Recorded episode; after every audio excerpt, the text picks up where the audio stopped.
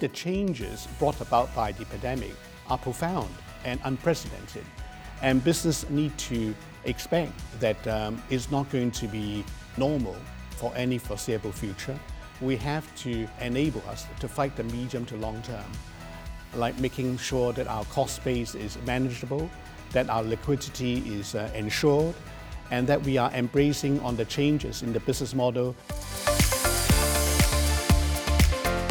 East Asia and Southeast Asia probably is going to lead the recovery uh, on a global basis. So we have an important role to play.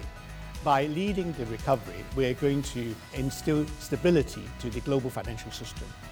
And I think the, the other thing is the first um, two quarters of 2021 is still going to be tough.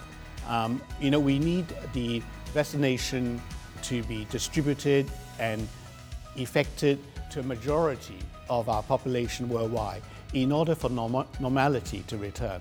And that will take time. And hopefully, with the new administration coming in in the US, the international relations, particularly the US China relations, is going to be more predictable, more stable. They're going to collaborate on major international issues that require uh, US and China to work together.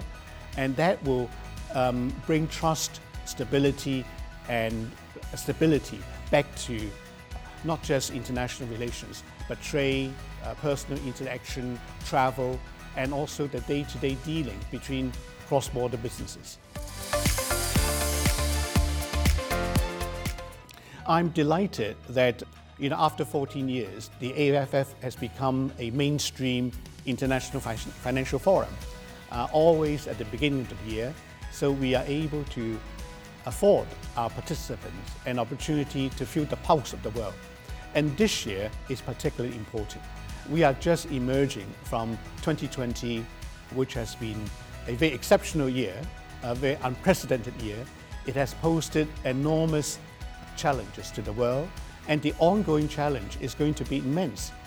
And we hope that the lessons that we've learned um, will enable us to try to do better